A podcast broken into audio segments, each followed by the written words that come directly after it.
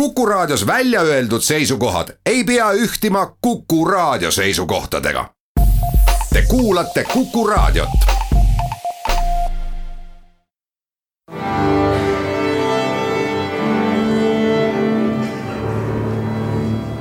daamid ja härrad, Eesti Kontserdi saade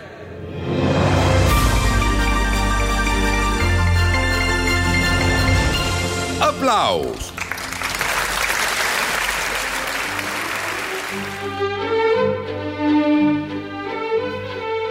Tere kõigile, Eesti Kontserdi saade Applaus, mina olen Lauri Aav.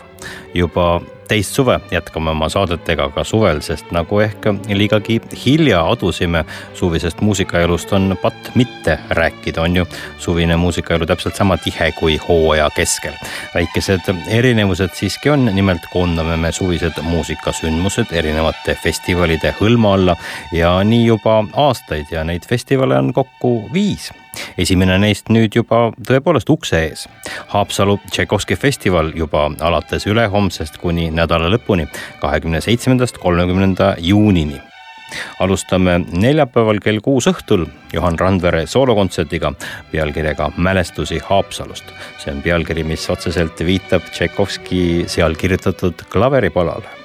Kell kaheksa on kontsert pealkirjaga Samal ajal Itaalias, kus Peterburi kammerooperi solistid Valentina Fedenjova ja Aleksei Bašijev on publiku ees Verdi, Puccini, aga ka Tšaikovski Itaalias kirjutatud aariate ja romanssidega ning pange tähele, harfi saatel Need mõlemad kontserdid on Läänemaa Ühisgümnaasiumi saalis ja neljapäev muide on siis ka see päev, kus Johan Randvere annab kontserte kohe suuremal hulgal, sest õhtul kell kümme on Haapsalu kuursaalis omamoodi nagu selline tore romantiline perekontsert. Tšaikovski puiesteel. Evelin Samuel Randvere laulab, Martin Altrov mängib klarnetit ja Johanna Randvere klaverit. ja üllatusena kõlavad sel kontserdil Johan Randvere spetsiaalselt tehtud seaded Tšaikovski aastaaegadest just sellele esituskoosseisule reedel on kontserdid alates kella kuuest. Uue mõisa mõisas on kõigepealt Marcel Johannes Kits ja Sten Heinoja mängimas Prokofjevi, Chopini ja muidugi Tšaikovski teoseid tšellole ja klaverile. kell kaheksa Haapsalu toomkirikus Eesti Rahvusmeeskoor, vene ja eesti vaimulikust koorimuusikast koosneva kavaga Tšaikovski, Sviridov, Kreek ja Kõrvits. hing igatseb taevasse, dirigent on Mikk Üleoja ja kell kümme õhtul kuursaalis romansi õhtu. Tamar Nugis laulab, Ilona Lada mängib klaverit ja Kärt Tammjärv loeb vene luuletajate loomingut nii eesti kui vene keeles. laupäeval alustab toomkirikus Vene Akadeemiline Sarvekapell Tšaikovski, Bachi, Rossini ja Piazzolla teostega. muide, nendega on tore lugu tuhande seitsmesaja viiekümne esimesel aastal otsustati teha Vene keisrinna Jelizaveta Petrovnale sünnipäeva üllatus ning moodustati kahe tosina jahisarvega ansambel, kes keisrinna lemmikajaviite jahipidamise puhkehetkel musitseeris keisrinna ja kaaskond olid sarvehelidest lummatud ning otsekohe moodustati õukonnas mitu sarveorkestrit. Neile hakati looma spetsiaalset muusikat, mida esitati õukondlike sündmuste tähistamiseks. ja selline musitseerimisviis on loomulikult väga kulukas, üks inimene sai ju mängida korraga vaid ühte helikõrgust ja lisaks nõuab selline kokkumäng väga kõrget tehnilist meisterlikkust. Neid traditsioone jätkabki Vene Akadeemiline Sarvekapell ja nende käsitsi valmistatud pillikogu on tänaseks suurenenud saja kuue sarveni, mida mängib siis kokku seitseteist noort vene muusikut. see on Vene Akadeemiline Sarvekapell kell kuus õhtul Toomkirikus kell kaheksa on sealsamas festivali, no ütleme, peaesineja kapella Karkovienses Poolast. Tšaikovski serenaadiga keelpillidele, seesama kuulus Tšaikovski serenaad, mis praegugi taustal kõlab. ja lisaks Mozarti neljakümne esimene sümfoonia, tuntud kui Jupiter sümfoonia.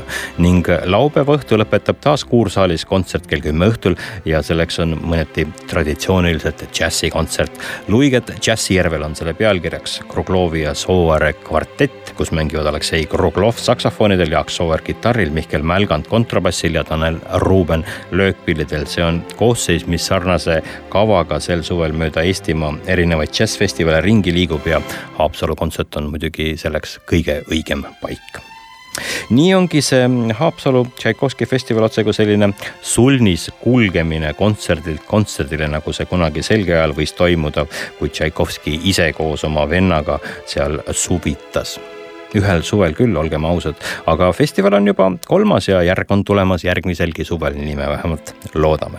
lisaks jäi muidugi üles lugemata pühapäevane kava.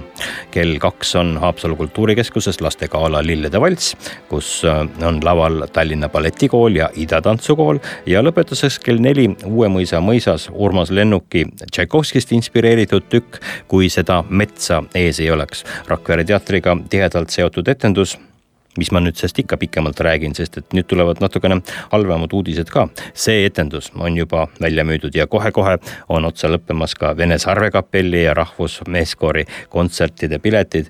üldisem sõnum siinjuures on see, et nagu varasematelgi aastatel on ka tänavu kammerkontsertide piletid järjest defitsiitsemad ja tasub tõesti kiirustada, sest sel nädalavahetusel on trendikas olla Haapsalus oleme siin varasemates saadetes rääkinud teistestki suvistest festivalidest ja räägime edaspidigi, kui aeg täpsemalt kätte jõuab.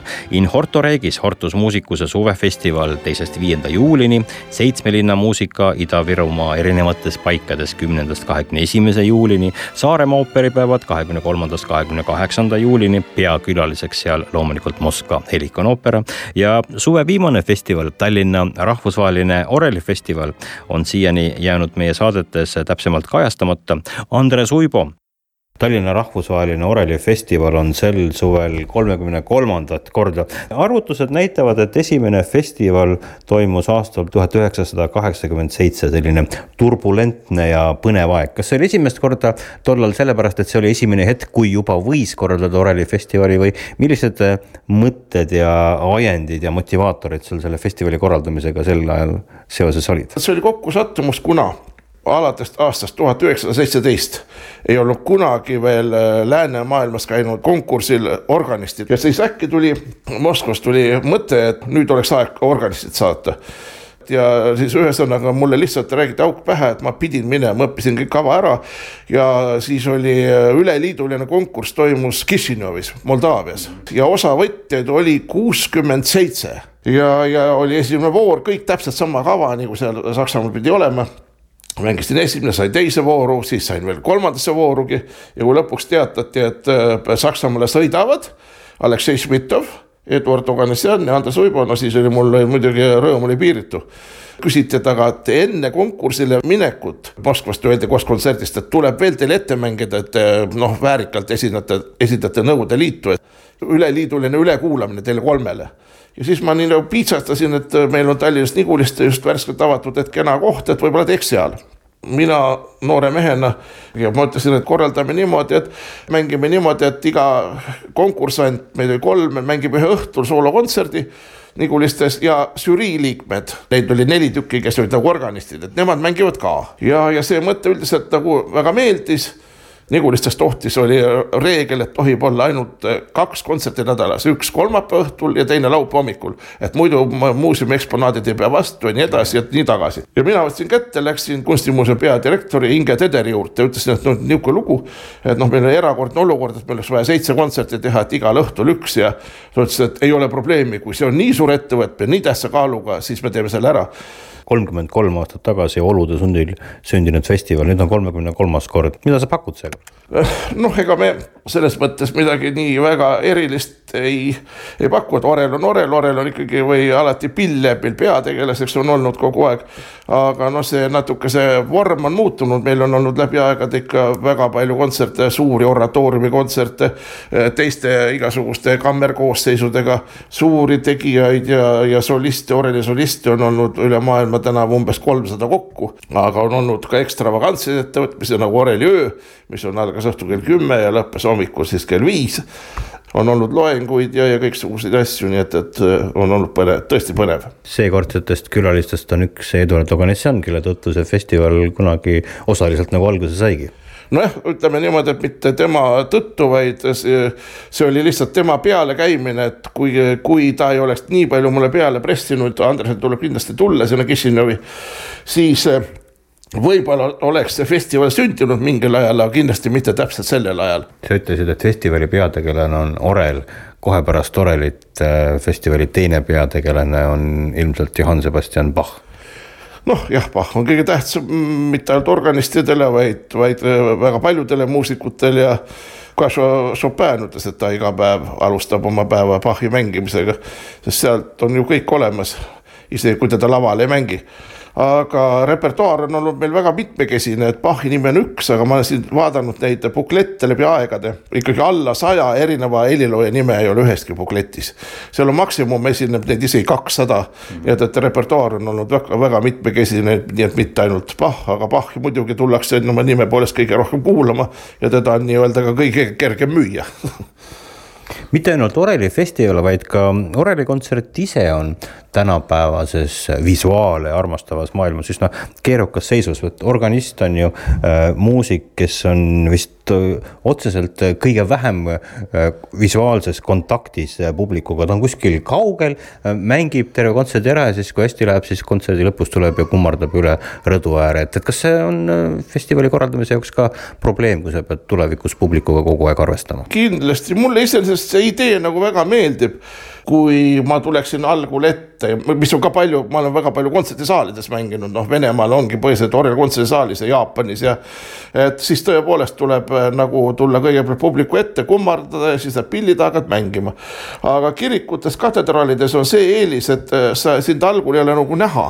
pill hakkab mängima, muusika nagu kõlab ja see nagu ei sõltu sinust, isegi mingil hetkel sa mõtled alla, et see muusika on tähtis, et mitte see, kes seal lava peal kõigub parajasti. minu meelest on nagu topelt uhke tunne on see, kui sa oled mänginud ära ja kõik nagu, kõik nagu on läinud nagu väga hästi.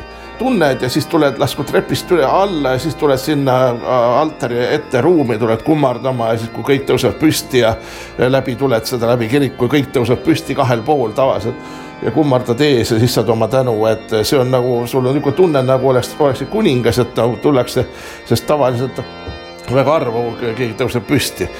mõningad hetked on olnud väga eredad, mul on üks niisugune teos nagu Apokalüpsis sümfoonia, mida mängitakse väga palju, mis on ka sümfooniaorkestritele nagu ma ükskord mängisin Poolas ühes hästi suures kirikus mängisin ja, ja siis, kui ma tulin ülevalt alla, oli selle loo ära mänginud ja siis, kui üks mingi härrasmees tuli, niimoodi ma läksin läbi kahelt poolt, kahelt poolt olid inimesed püsti aplodeerisid ja siis üks mees tuli minu juurde ja võttis mulle varrukast kinni, ütles, et ta lihtsalt tuleb sellepärast, ta tahab geeniust katsuda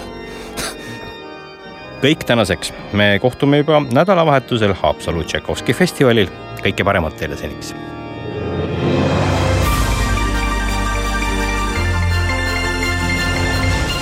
Aplaus